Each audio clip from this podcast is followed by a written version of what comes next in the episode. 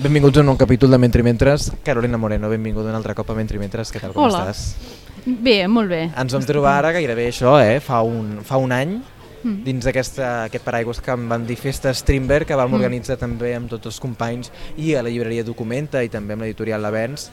És un capítol que vam enregistrar i que la gent encara pot consultar Sí. i que he de dir que és dels força més consultats de, de fa un any. He de dir Ah, que sí? va tenir molta audiència, sobretot els mesos posteriors de, de la Festa Strindberg, per tant, déu nhi també a, a Mm. l'espectador. Nosaltres també hem continuat, eh? abans i Mm. tant, amb aquesta traducció de l'Inferno que ha sortit Mm. fa poc.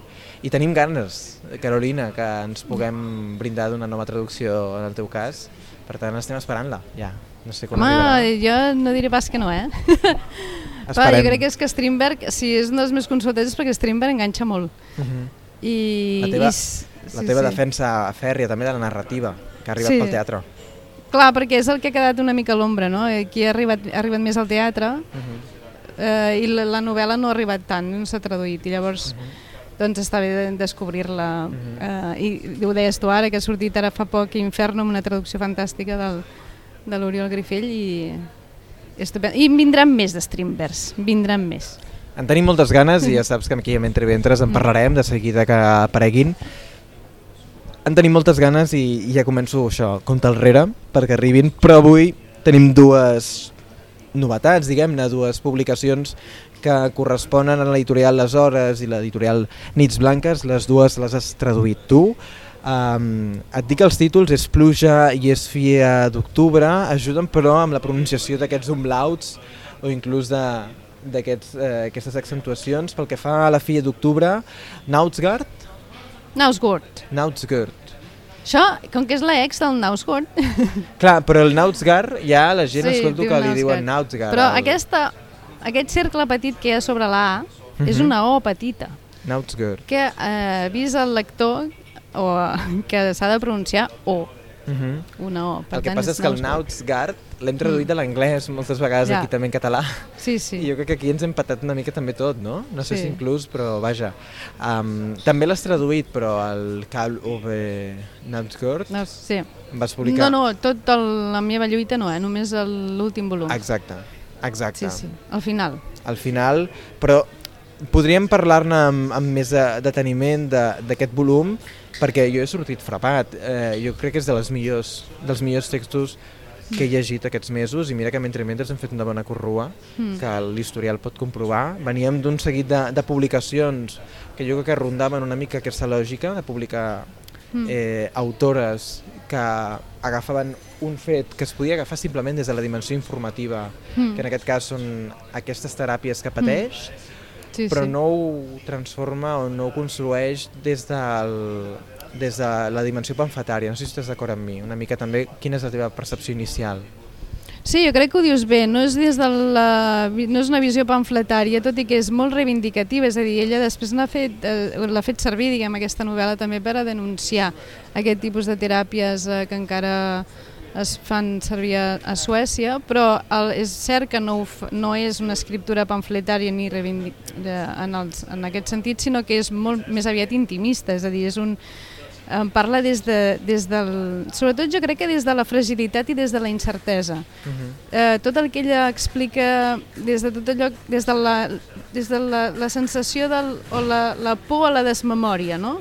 Tot el, és a dir, de la, per tant, de, la, de les conseqüències eh, d'aquesta teràpia d'electroxocs eh, per curar-li aquesta malaltia mental. No, no, no tant contra el sistema de salut, no tant contra mm, no sé, els hospitals, els metges, etc, sinó, de, sinó que explica d'una manera bastant mm, neta, però també bastant molt colpidora, quins són els efectes? I per tant que era allò que més por li feia? Que era per exemple la pèrdua de la memòria no? per exemple no recordar els noms dels seus fills. Jo crec que, crec que és un dels detalls més, més colpidors. I el fet que ho faci des d'aquesta part més íntima no? des, del, des de com l'afecta ella en el més íntim és el que realment fa que el lector s'hi hi quedi atrapat L'espectador de Mente Mentes haurà també sentit a parlar de la, perquè vam entrevistar la Carlota Gurt per aquesta traducció que ha publicat de l'Animal Trist que ha fet a Mm. l'alemany i justament la- l'articulació anava també pesant molt en què l'estructuració venia també de la bellesa amb B, Mm. en aquest ca, amb, amb B baixa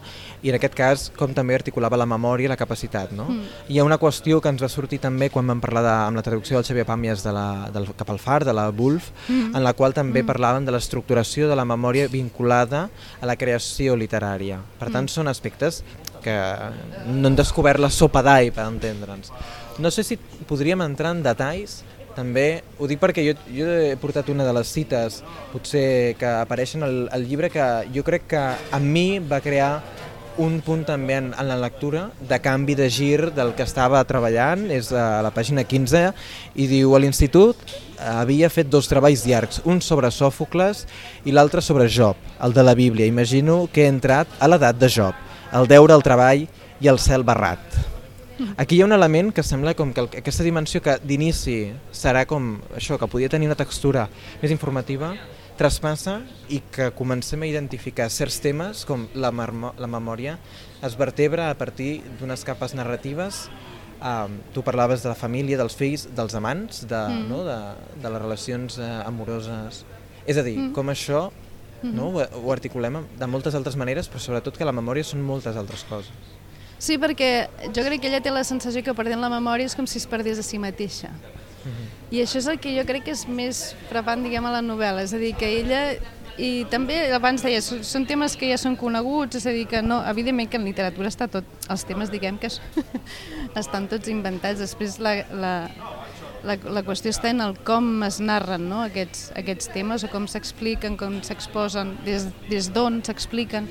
I jo crec que l'escriptura de la Linda Bostrom el que té d'especial és que allò que t'està explicant, aquesta incertesa, aquesta sensació de perdre's, de perdre's a si mateixa, eh, de fragilitat, de vulnerabilitat, també es, també es traspuen a la seva manera d'escriure, perquè és una escriptura molt fragmentària, inconexa, eh, no és una, una, una, una, lectura diguem que flueix així amb una trama no?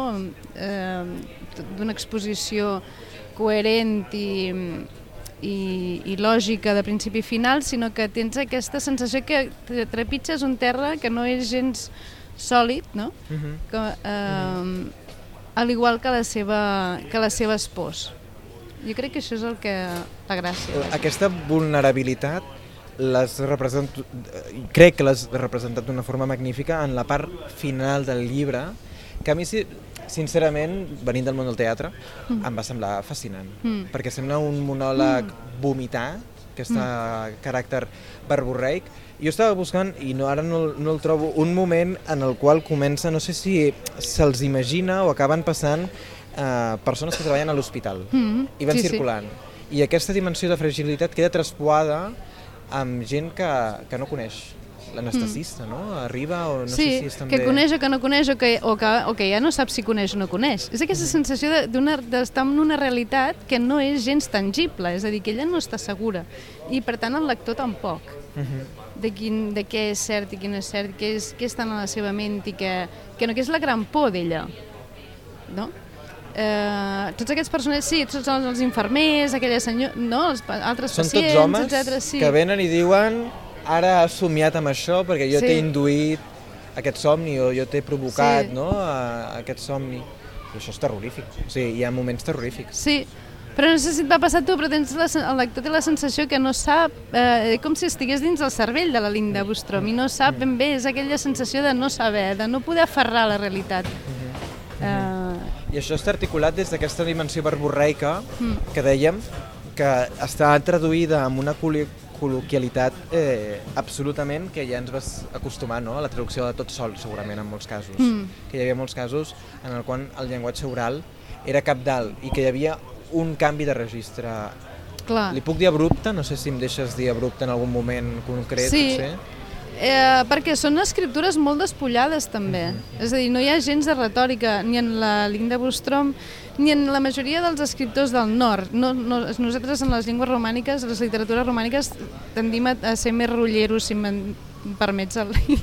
no, molt més descriptius. Molt més barrocs. Molt més adject, molts adjectius, etc molt més barrocs. En canvi, la- l'escriptura nòrdica tendeix a, la, a molt poques paraules dir, més que dir molt, suggerir molt. Jo crec que és una de les grans virtuts de la literatura, o dels escriptors escandinaus en general, és que molt poc, el Peterson fa exactament igual, la seva gran virtut és que amb, amb una frase, o amb un adjectiu, amb un substantiu, amb un verb, suggereix eh, moltíssim i deixa molt d'espai al lector perquè imagini. Eh, imagini i senti allò que, li, que vulgui sentir o allò que li transmeti aquell, aquella escena, no? aquella escena determinada.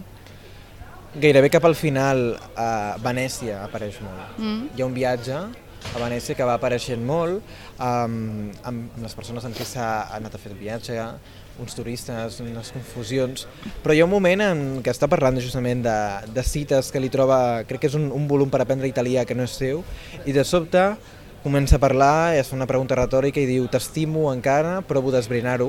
Mm. No, està bé que visquem separats, ens crispàvem els nervis mútuament, de cop i volta recordo un cadell de gat que vaig matar d'una trepitjada. Mm. Era de nit i jo sortia a fora de la casa d'estiu amb esclops. Què hi anava a fer? Caminava en somnis. Vaig obrir la porta i el vaig trepitjar. Li vaig partir la petita columna vertebral. El vaig matar d'una trepitjada. Mm. Va cruixir sota el meu peu. En un moment vaig passar a ser una assassina. Els altres gatets saltaven al meu voltant Perdoneu, eh, però és que em sembla fins a cert punt ridícul. O sigui, té un punt que això que dèiem que el despullar, evidentment Sí. podríem llegir-ho des, del, des de lo terrorífic, però hi ha Sí. una fila línia, no sé si t'ha passat, no? acaba el fragment amb es refregaven a les meves cames, jo vaig fugir corrents cap a dalt on eres tu, et vaig despertar i et vaig dir he matat un gatet, mm Mhm. et vaig expulsar del son, etc. etc. Clar, aquí hi ha dues coses. Una, que si t'hi fixes no hi ha ni un sol adjectiu. És a dir, és això que deia abans. Hem Però això és molt tròpic, per molt, molt típic de la, dels, de la literatura escandinava, que és que ho, eh, sempre narra des de l'acció. Hi ha molt poca, Mhm, molt, poca- molt poca descripció i molt poc adjectiu. Per tant, no s'atura el lector d'informació perquè hi ha molt poca descripció, sinó que tot és basat en l'acció. El fet que tot ho basi en l'acció vol dir que deixa, desplaça en el lector la capacitat de, de jutjar no? d'acabar de, de farcir ell, d'imaginar-se ell les- l'escena. Aquesta és una típica, l'escena mm, típica, no? de lletra pitja un gat i al lector se li dispara la imaginació, però no cal que expliqui ni com era el gat, ni com era la nit, si era freda, si, si, ni què va sentir ella tampoc, tampoc ho sabem. Hi ha només l'acció d'haver trepitjat un gat. I què passa a partir d'aquí? Està tota la imaginació del lector. Això és el que deia que suggereixen més que no. I, i la Linda Bostrom ho fa molt bé, això. És tota la novel·la, més, i Benvinguts a Amèrica, que també vam... Tra... Sí, Uh, és aquesta és aquesta manera de narrar tan despullada perquè no, no s'atura el lector d'informació, és, és molt, molt suggerent en aquest sentit. Després hi ha un tema que és que al ser autobiogràfica hi ha mm, eh, Sicol, el Nausgård, diguem, el Coluve, no? Eh, i la seva separació, etc etc. i el fet d'haver traduït l'últim volum del final de Nausgård, en què també es parla molt, però des de la perspectiva de Nausgård, de la separació d'ells dos, a mi se'm creuaven, diguem, hi ha, unes, eh, hi ha uns creuaments, no?, Mm. de les dues, de, una, Jo- de les dues visions de la mateixa separació. Jo el Nautsgård no l'he llegit amb por. Amb la por? por, sí, amb la por de, Ui, no. de trobar-me aquesta dimensió farragosa de la realitat mateixa. Ja, clar. És, és que Nausgård, és a dir, això no és és el contrari de la Linda Bostrom, és a dir, eh, són dues escriptures totalment oposades, perquè Naus, eh, Nausgård fa justament el contrari, em, mm, el, o sigui, te- t'enfarfega de molta informació, és a dir, és, eh, de, descriu tot fins a la societat, no? que per això deien que s'havia trencat molts motlles, també ha trencat motlles en què fa la literatura escandinava, perquè no és, no és, no és propi, diguem, no és característic de la literatura escandinava mm, donar tant, ta- tant de detall. Jo recordo un moment en què descriu com es menja unes gambes, no? o hi ha una masturbació en un... que, que dius, però, clar, i dius, però cal no, arribar a aquest, a aquest detall? És justament el, el contrari, són dues escriptures totalment contràries. Jo recordo una entrevista amb l'Eugènia Brogi en la qual deia que el va conèixer i no sé si va arribar, arribar a casa seva o va, que veia les fotografies dels fills i deia, clar, són tots ells, o sigui, és sí. tot el que jo em trobo a les novel·les, o sigui Sí, que sí. jo he entrat en el cap d'aquest home. Sí, sí. Però a mi m'ha donat la salva... I, I no vaig llegir, no vaig començar llegint la Linda Bostrom a partir d'aquesta tensió. eh, No, no, no hi vaig tampoc caure. I No, no, és que no cal, eh? Que, que no cal, no volien- té res a veure. No, no, no. Perquè encara que parteixi d'un fet autobiogràfic, no, té, no hi és ella, eh? O sigui, hi ha alguns detalls que a mi, si relaciones amb Nausgold si, o si coneixes la, que, com era la separació i tal, tu ho pots relacionar, si ho saps, però si no, la novel·la no explica en detall tot el que ella va passar ni en la separació, ni en aquells anys, ni res de tot això. de la separació que diu no sabia què dir i vaig dir crec que ens hem de separar. Exacte, va, sí, sí. I va respondre jo també ho crec. Exacte. De vegades és la manera més pràctica de fer-ho això. És, és una estructura també no sabrem, no sé si tu sí que saps com van exactament aquest moment Oh, no, de... no, no, jo no hi era pas. Però, Però el, el però el ho diu, t'ho explica, sí. ho explica, eh? I ell Però- també diu que primer la Linda... O això no ho diu ell. És que el Nausgold és molt més... no és tan senzill. És a dir, que... Bueno, del que jo, la impressió que em vaig... No? Perquè, clar, Nausgold hi dedica moltes pàgines, van molt endavant i endarrere, etc. Vull dir que no és una cosa que... La separació no es produeix en una línia. Diguem, no, no, no és que l'expliqui en una línia i ja està. Llavors tens una idea molt més difusa, almenys jo, eh? Sí, sí, sí, sí. Uh, però tampoc crec que sigui el més, el més interessant, això. La Filla d'Octubre funciona com una novel·la, jo crec, sobre molta por a perdre's un mateix. I els detalls autobiogràfics són anecdòtics, és a dir, són punts de partida que a la Linda Estan- li serveixen per estan escriure una novel·la fantàstica sobre... Molt ben estructurats. Sí. Podem també parlar d'aquesta estructura, perquè hi ha elements que estan molt ben localitzats, deia Mm. el viatge a Venècia, Mm. apareix al final. Mm. Um, tot el, el, el que fa a l'inici explicant la seva estada a l'hospital sembla que en alguns moments comences a fugir i hi ha un seguit de vertebracions. La separació no és una, però n'hi ha moltes altres també la relació familiar. Mm, exacte, amb els seus fills, el personatge de la, aquella infermera, no la Maria, em sembla que es diu, la... Sí, sembla que siguin conex, però després vas veient com a mesura que vas avançant eh, es van lligant els fils. Digui, eh, ella fa de fil roig, no? ella fa de...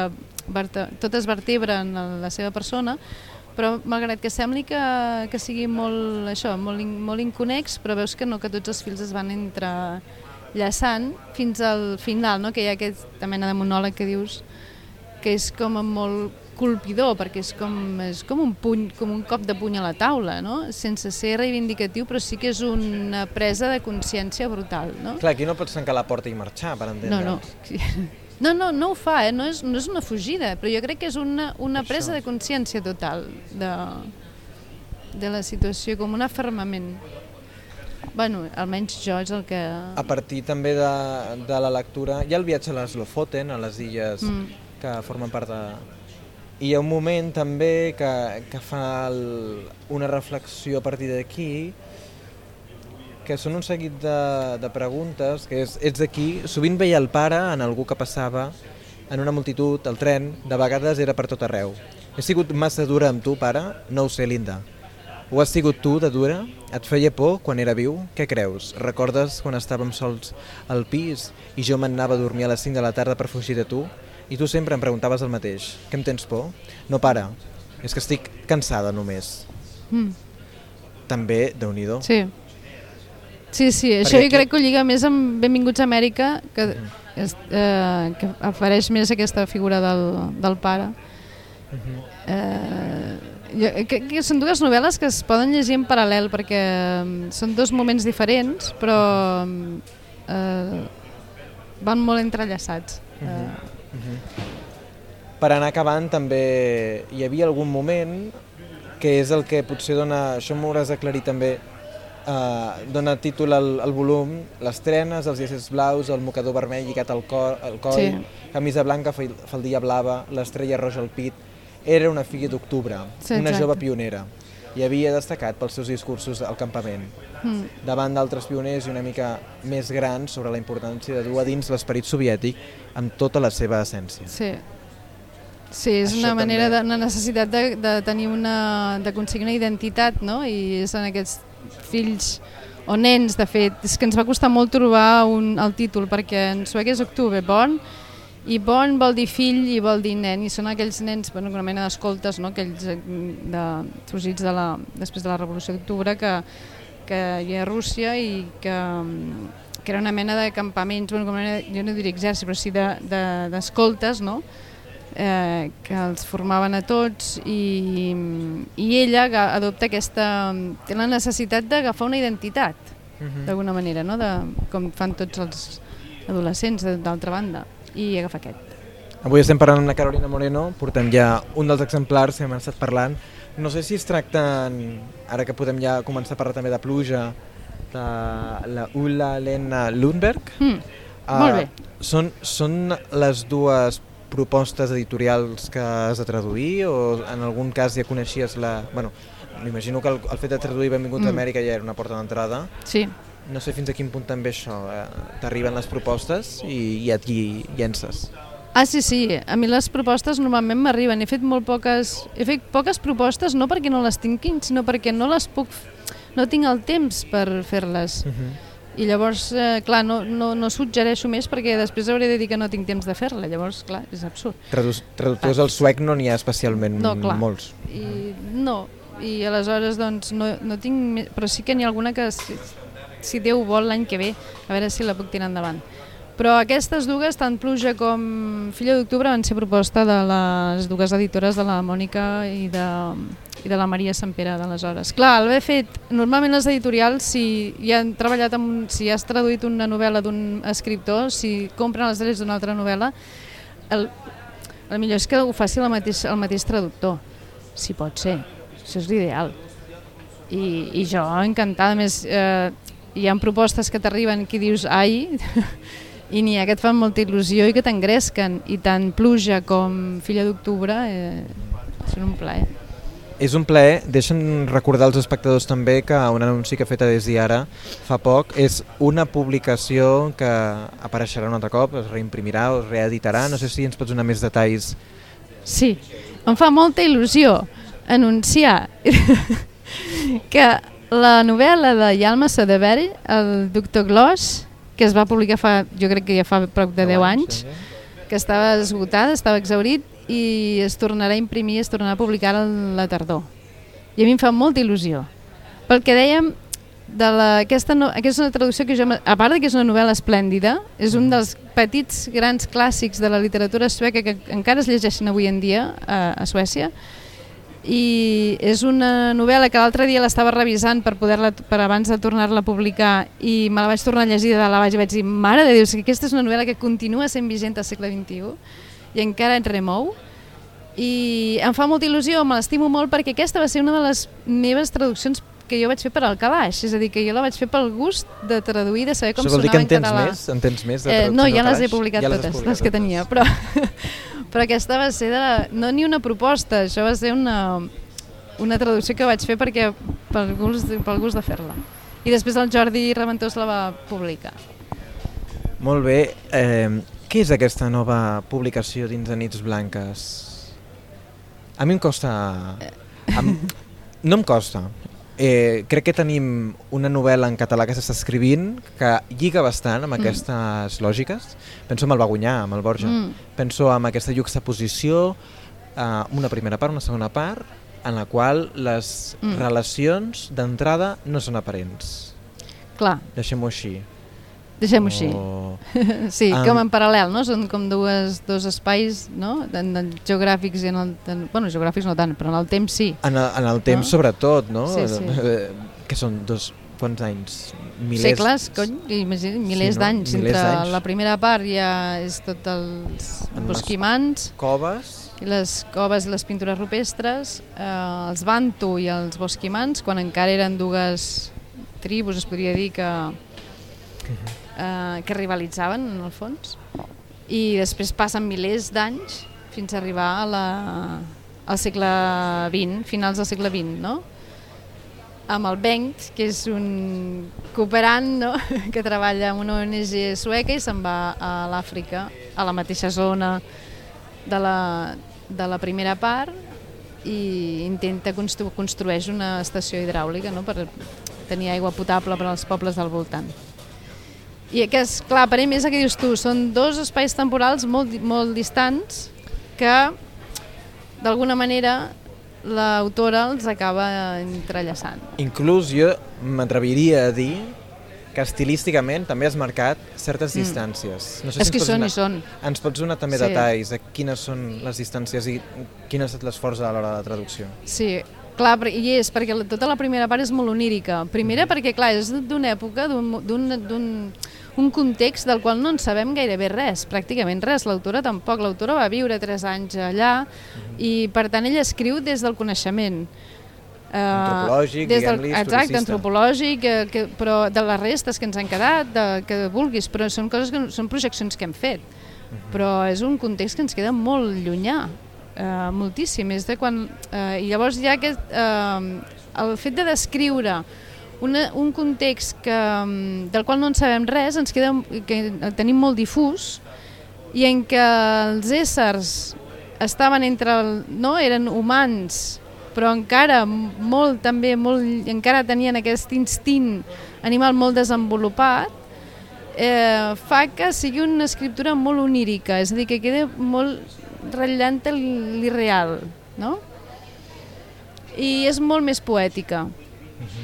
I en canvi, la part de l'ONG, o sigui, de la part del Bent, que és un cooperant del segle XX, que arriba allà, és molt més irònica, molt més divertida, molt més, eh, molt més col·loquial, si vols, és més propera al nostre present també, eh, pel llenguatge, per les situacions que explica, perquè també es dona el contrast entre Àfrica i, el, i, un, i els nòrdics, per exemple, o els occidentals, i això dona peu a moltes situacions ridícules i absurdes que el lector doncs, li fa riure, no?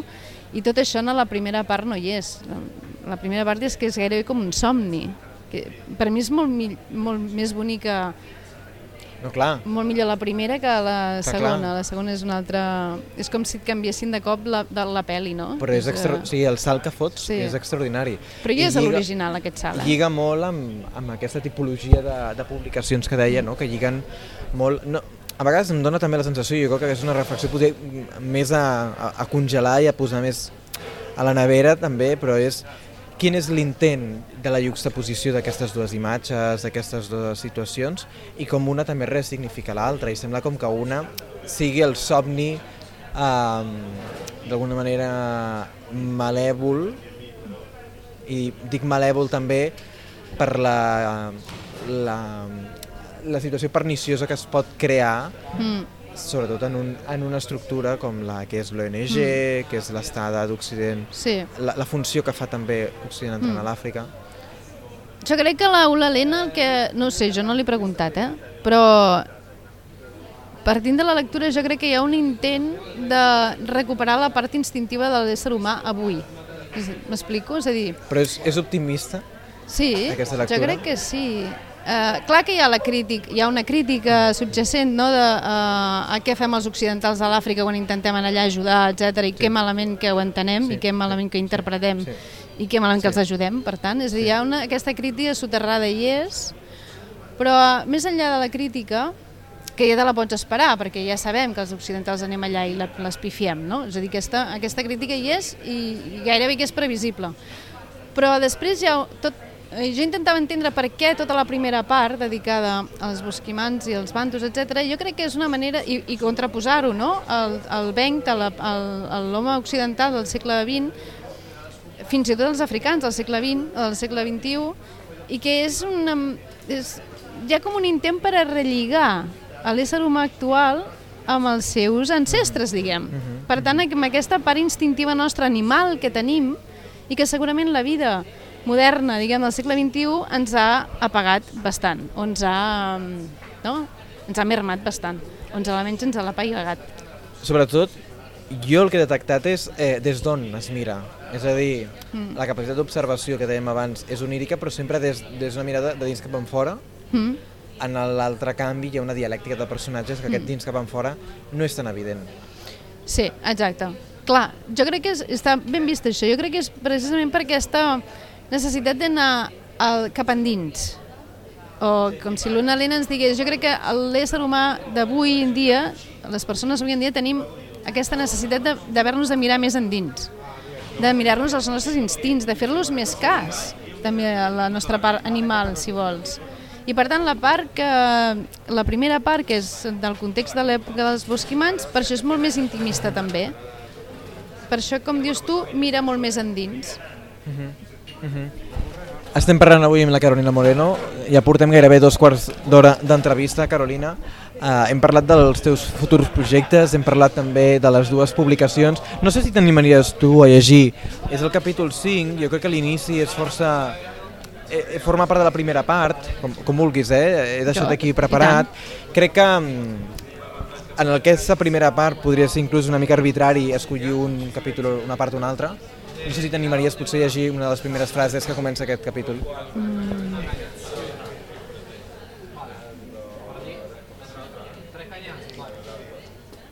Que, eh, tot el... Que, vols que llegeixi el primer paràgraf? Sí, les primeres frases, sí.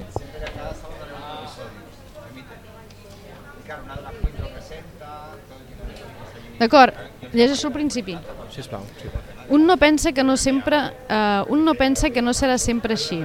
I de sobte, un vespre, en una posta de sol en plena època de sequera, una glopada de pols s'enlaira cap al cel al, al sud. A boca de fosc tot està en calma. No hi ha remolinades que aixequin la sorra. Aleshores se n'enfila un altre, una mica de pols només, un nuvolet minúscul gairebé invisible en la llum del, del crepuscle. Clar, això és... Eh, clar, tota la primera part està molt tenyida d'aquesta sequera, d'aquest desert, d'aquest sol roent. Eh, I el tema de la sequera i de l'aigua, no? és a dir, seria com... La primera part està, gira molt al voltant de la idea de la sequera i de la invocació de la pluja, eh, i la segona gira a l'entorn de l'estació hidràulica, és a dir, de l'aigua, de generar l'aigua, de portar l'aigua, de la invocació de la pluja també, perquè no plou, etc etc. Però hi ha un contrast entre la primera part en què la protagonista és la sequera i la segona en què la protagonista és l'aigua. Eh, hi ha molts contrastos. En, és a dir, l'Helena sembla que sigui una novel·la que passi eh, no? és a dir, fàcilment i que no estigui treballat, diguem, que sigui una novel·la diguem, bastant tradicional i convencional en aquest sentit, però després quan la tradueixes, que és la bona manera de conèixer el, les escriptures, eh, eh, veus que està molt trebat, és a dir, que, està, que les paraules estan, els adjectius sobretot, estaven molt ben buscats i estan tots relligats, és a dir, eh, genera camps semàntics al voltant de la idea, al voltant de la sequera, al voltant sobretot del sol, els colors, les textures, el, sobretot a la primera part. Aquella sensació que al final acabes tenint de que, ten, de que et passes set i tot, és a dir, el, uh, com a lector, almenys a mi em passava quan l'havia de traduir, i veus que està molt, molt buscat eh, cada adjectiu, cada, sobretot els adjectius, uh, per crear aquesta, aquesta sensació, aquestes atmosferes i aquests camps semàntics. Està Mhm. molt trebat. Té tot sentit, no? Eh, doncs la, la idea que deies abans de la intuïció vinculada també als sentits. No? Mm. La intuïció, un sentit, en el fons també. Sí, sí. Carolina Moreno, moltíssimes gràcies avui per poder parlar 15 minuts, 15 minuts de dos títols que has traduït fa re relativament poc, que Sí. poden ser novel·les d'aquestes de- d'estiu, no? De... Sí, sobretot Pluja, més que Filla d'octubre, jo crec que és una novel·la que es pot llegir en, en un moment... O sigui, jo crec que Filla d'octubre és, eh, és un moment més especial, no? És de, El setembre serà un moment especialíssim, eh, potser, sí. també. No, és un bon moment l'estiu, però un moment de, de, o sigui, que un estigui com relaxat. O sigui, tra... no és així com per llegir al vespre, per, per anar... Hi ha molta gent que llegeix per anar-se'n a dormir. Sí, eh? sí, sí. Doncs jo crec que Filla d'octubre no és una novel·la com per llegir així, una, una estoneta abans d'anar a dormir. malament, doncs. Però, no, però jo crec que um, és prou intensa també com per llegir-la en un moment relaxat. Sí. Carolina, moltíssimes gràcies. A I vosaltres, ja a començo tu. a, comptar el compte enrere, no? Perquè tornis a mentre mentres a parlar-nos de les noves novetats que hagis publicat quan sigui. Sí, serà aviat, aviat. Sortiran més. I Moltíssimes- també vindran més streamers. Això serà ja una festa molt gran. Sí. Moltíssimes gràcies, Carolina, que vagi molt bé. Bones vacances. Gràcies.